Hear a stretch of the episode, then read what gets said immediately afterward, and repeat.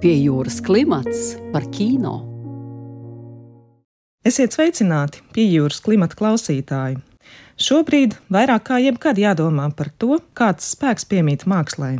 Dokumentāls kino kā radars spēj visātrāk reaģēt uz notiekošo, izsakot likteņiem un drosmīgi un atklāti runāt kā par brīnišķo, tā baiso.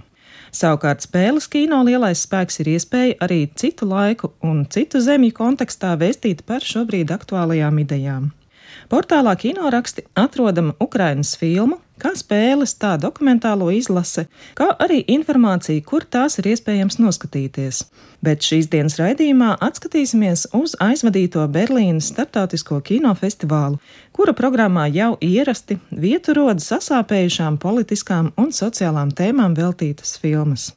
Franču senegāliešu režisora Alana Gomī dokumentālo filmu Attīt un atskaņot, kas bija iekļauta Berlinālas fóruma skatē, veido brīnumaini saglabājies kāda Francijas televīzijas 1969. gada mūzikas raidījuma ieraksta nemontēts materiāls, ko papildina vien pāris fotoattēli. Raidījuma viesis ir izcilais amerikāņu džēza pianists un komponists Telonijs Monks, kurš vēl pirms vakarā paredzētā koncerta viesojās televīzijā, lai piedalītos filmēšanā. Tās ietvaros bija plānota intervija un vairāku skaņdarbu atskaņošana. Monku intervēja pieredzējis kultūras žurnālists, garlaikots Dendijs, kuram viņa garie iepriekš sagatavotie jautājumi šķiet daudz būtiskāki nekā mūziķa nērtība uz tiem atbildot. Saruna nevedas, un monka intervētājs kļūst aizkaitināts, pārsakās, uzdodot jautājumus, nav apmierināts ar monka atbildēm un liek pārfilmēt atkal un atkal. Prožektori studijas gaisu ir uzkarsējuši, monka pieri klājas viedru lāses, un kādā mirklī viņš pieceļas no klavieru soliņa, lai dotos prom.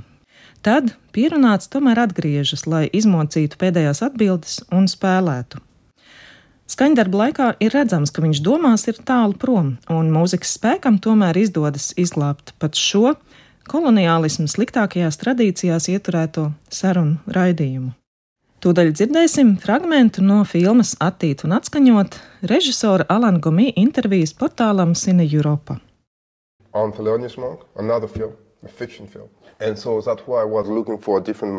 es šobrīd strādāju pie spēļfilmas par Teloniju Monku, Tādēļ meklēju dažādus materiālus, video par viņu, kas man varētu noderēt, un nejauši uzgāju šo televīzijas raidījumu melno materiālu, kas bija uzņemts Francijā 1969. gadā.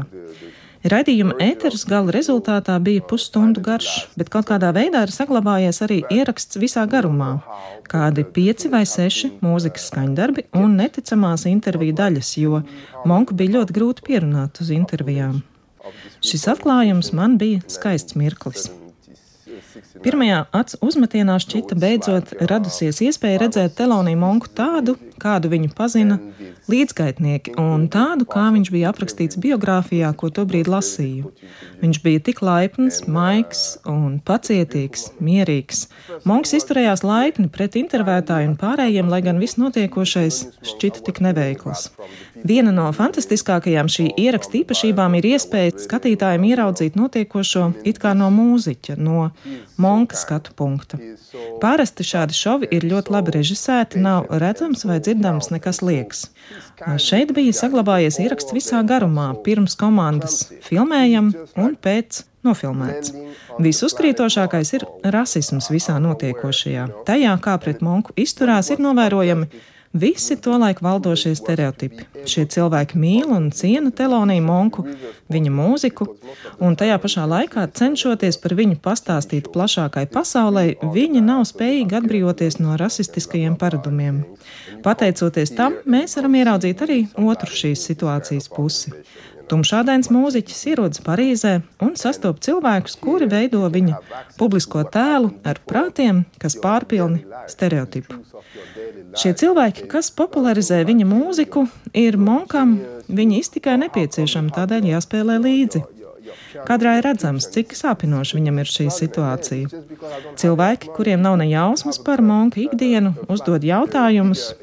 Jūs taču esat ķēnijs, bet kādēļ jūsu klavieres atrodas virtuvē? Tas ir tik neparasti. Monks varētu atbildēt: Mana dzīvojamā istaba ir pārāk maza, lai tur atrastos klavieres, bet virtuve ir plašāka. Es nenopelnu tik daudz, lai varētu atļauties lielāku dzīvokli. Tas nav nekas ekstraordinārs, un tas nav tādēļ, ka esmu ģēnijs, man vienkārši nav naudas.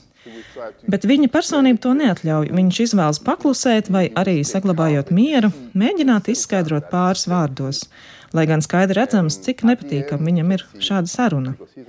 Tikai intervijas beigās redzam, ko viņš patiesībā izjūt, jo viņam kā mūziķim bija iespējams paust savas emocijas spēlējot, un tas ir kaut kas neaprakstāms. Visu, ko viņš nav varējis atklāti pateikt intervijā, Monks nodod caur mūziku. directly uh, to the piano, and it's just uh, it's, it's wild, it's crazy. Spēcīgi šogad Berlīnālē sevi pieteica Šveices kino, saņemot arī vairākas galveno konkursu balvas.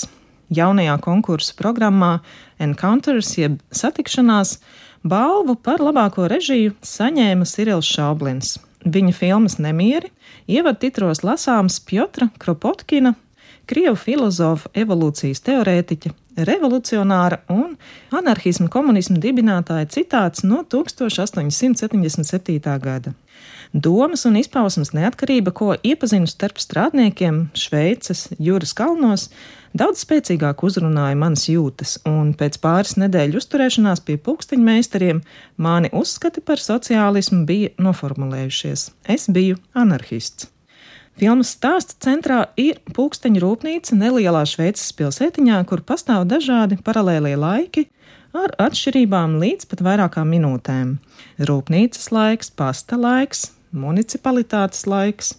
Iestādēm, ražotājiem un ierēdniecībai šajās paralēlajās laika dimensijās piemīt arī katrai citāts, darba grafiks, vērtības un ideoloģija. Tas ir rūpnieciskās pulksteņu izgatavošanas aizsākuma laiks ap jau minēto 1877. gadu, kad prototeilorismu noskaņās augstā ierēdniecība un viņiem padotie žandarmi veic stingru laika kontroli, diktējot ražošanas un arī sociuma ritmus. Šīs atsvešinātās, bezkaislīgi dzaužēnās kontrolas sistēmas ietveros strādājošie izveido anarchistu arotbiedrību un gatavojas kongresam. Filmas nosaukumam Nemieri jeb UNRU ir divas nozīmes. Tām ir saistība gan ar strādnieku noskaņojumu, gan pulksteņa uzbūvi. Jaunās rūpnīcas strādnieces Josefīnas pārziņā ir mehāniskās pulksteņa sirds, mazas, nemierīgi kustīgas spirāls montāža. Viņa iepazīstas ar ielā ieradušos Piotru Kropotkinu, kurš apceļo Šveici nolūkā radīt anarchistu karti, kas būtu veidota nevis no institūciju, bet gan vienkāršo cilvēku skatleņķa, ņemot vērā to paradumus un tautas valodā iegājušos vietvārdus. Žozefīni un Piotru iedvesmo solidaritātes un pacifismu idejas. Viņi vēlas atbrīvot laiku un uzveikt tirgus vērtību diktātu. Filma, kuras izklāsts tikpat labi vedina domāt par dinamisku nemiernieku drāmu, ir izteikti apcerīgi veidota. Filma, kuras izklāsts tikpat labi vedina domāt par dinamisku nemiernieku drāmu, ir izteikti apcerīgi veidota, gleznojot ar maigu pēcpusdienas gaismu, dāsni atvēlot visu plato kadru, rūpīgi komponētām ainavām, filmas varoņiem paliekot vien nelielās, elegantās grupiņās kadra malā. Un līdzīgi kārtots ir arī filmas sižets, pa maziem notikumu fragmentiem vien, pa izkliedētiem dialogiem, kuru savienošana kopainā atstāta skatītāja un laika ziņā, jo laikam šajā filmā atvēlēta centrālā loma. Berlināles galvenās konkursa skates īpašo balvu saņēma vēl viena šveices filma Gabaliņš debesu, režisora Mihaila Koha otrā filmetrāža. Arī šīs filmas ainava nav iedomājama bez majestātiskajiem kalniem. Filmēšana notikusi attālā Šveices Alpu ciematā, kur vienīgā izklaide pēc smagā lauku darba ir vietējais krodziņš. Filmas papildvērtība ir no paudzes paudzē nodoto seno tradīciju fiksēšana, pļauja kalnu nogāzēs sienu vākšana un oriģināls paņēmiens, kā nogādāt tos saimniecībām ielējā. Šīs epizodes uzņemtas dokumentālā manierē, filmējot nevis aktierus, bet gan kalsnējus vietējos vīrus ar saules aprautām sejām. Viņu ķermeniskā plastika atspoguļo smagu ikdienas fizisku darbu, un veiklība, darbojoties stāvējās nogāzēs, ir apbrīnojama. Gabaliņš debesu nav steidzīga un liekvārdīga filma, un tāds nav arī tās galvenās varonas. Zemnieks Marko, kura izteikti spēcīgā miesas būva atstāja teju dzīvniecisku iespaidu. Jau vienā no pirmajiem filmas kadriem izmantots neparasts leņķis. Mēs vērojam kalnus pār viņa platajiem pleciem. Nerunīgais Marko ir ienācējis ciematā, bet viņam paveicis iekarot jaunās krodzinieces sirdi. Viņi svin kāzas un sāk mierīgu, klusu un saticīgu dzīvi.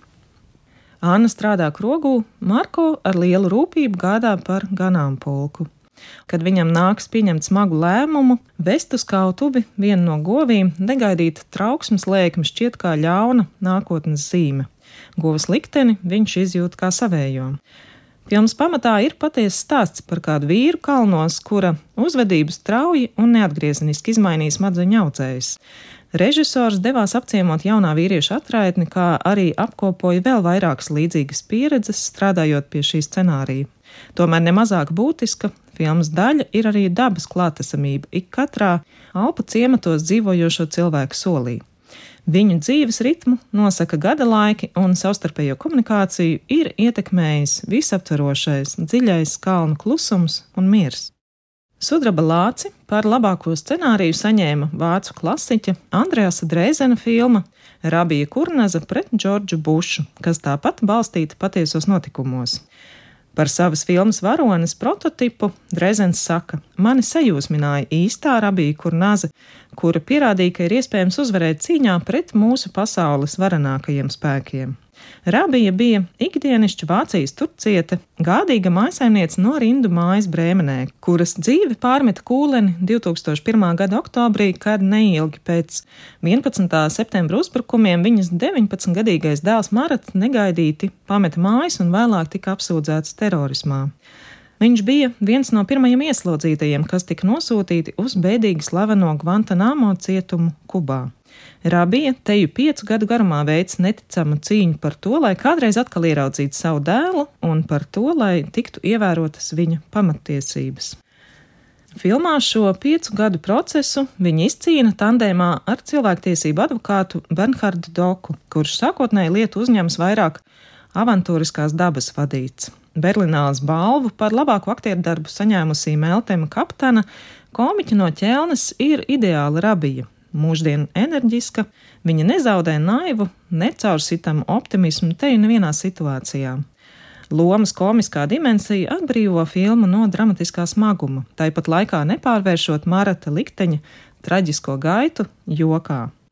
Intervijā Sina Europa Drezens saka: Between 2001 and 2006 and uh, Es sekoju šiem notikumiem jau laikā, kad tie notika, no 2001. līdz pat 2006. gadam, jo man šķita interesanti, kas īsti atgadījās ar Muratu Kurnazu, turku tautības vīrieti, kurš bija uzaudzis Vācijā un nonāca Guantanamo cietumā. Man šis notikuma pavērsiens šķita dīvains. Kad jau pēc Murata atgriešanās es uzzināju, ka viņš tika atzīts par nevainīgu, mani pārņēma kauns un dusmas, un saprotams, ka es gribēju ar viņu tikties, jo vēlējos vēlējos izstāstīt šo stāstu kino. Pāris reizes es satiku Muratu Brēmenē, un viņš ar mani dalījās savos stāstos piedzīvotajā. Mani pārsteidz tas, cik draudzīgs, patīkamas un mierīgas dabas viņš bija bez jau kāda naida. Tas šķita neticami. Jo ņemot vērā visu to, kas ar viņu bija noticis, es iedomājos, ka Muratā būtu jāmutuļo dusmām un naidam, bet nekā tāda nebija. Un tad man radās iespēja iepazīt viņa māti, Rabiju. Godīgi sakot, viņa mani apbūra jau pirmajā mirklī ar savu drosmi, smiekliem, humoru, dzīves prieku un spēku. Un es aizdomājos, varbūt ir vērts paraudzīties uz visu no mātes skatu punkta, jo tā šajā stāstā ienāk arī cerība. Turku mājsaimniece no Brēmenes cīnās pret Amerikas prezidentu un uzvar. Turku kultūra ienes kaut ko brīnišķīgu Vācijā. Tādēļ man ir tik ļoti kauns par Vācijas politiķu rīcību Murata Kurnas gadījumā, jo situācijā, kad kādam jāsniedz palīdzība, nav nekādas nozīmes tam, kāda jums ir tautība vai kādas valsts pase. Mums ir jārūpējas par mūsu bērniem, un Murats ir šīs valsts bērns, pat tad, ja viņam ir Turcijas pase. Kāda tam ir nozīme? Un raidījuma izskaņā jāpiemina kinofestivāla lielvārds austriešu režisors Ulrichs Zaidls, kurš ar nezūdošu entuziasmu savās filmās meklē vissatrunējošākās Eiropas sabiedrības īpašības. Viņa jaunākā filma Riminī, kas bija iekļauta Berlīnālas galvenajā konkursa skatē, ierasti balansē starp komisko un traģisko, pretīgo un aizkustinošo. Filmas galvenajam varonim, novecojušai estrādes zvaigznei Ričijam Bravo, pēc mātes nāves nākas atgriezties no Itālijas lejas Austrijā. Viņa tēvs mīt pansionātā un savā prāta mikrēslī iespējams pat nenojauš uz kādām bērēm ticis aizvests. Ričijs ar jaunāko brāli tiek pāri skumjām, dzerot šņabi un demolējot bērnības mantu noliktavu pagrabstāvā, un tad atgriežas savā peļņas vietā Riminī. Tur viņš dzied savus agrākos hītus senioru turistu grupām, kā arī romantiski izklaidē vecākas sievietes. Blāvas, slavas atliekas vēl manāmas viņa vilnas iekārtojumā, tomēr Ričijs jūt kās posme un pārticības līdz viņam no rokām ārā. Kamēr hītu lakstīgala katru vakaru, iespīlējies brokāta vestē, ierodas uz šķidri apmeklētiem koncertiem viesnīcas restorānā, viņa tēvs, bijušais nacists, Tukšām acīm stāv pie pansionāta loga un skumji dzied mīlas dziesmas no savas jaunības. Šajā it kā jau nolemtajā ainā Zēdlis iemet pārsteigumu. Ričijam ir meita, kurai ir pašai savi plāni attiecībā gan uz Ričiju, gan viņa villu. Turklāt viņa izspēlēs arī etnisko kārti, vēl vienu režisoru iemestu akmentiņu Eiropiešu kurpē. Pie jūras klimatu vadīja Sonora Broka un Monteja Judīta Bērziņa. Raidījums tapis ar valsts kultūra kapitāla fonda atbalstu.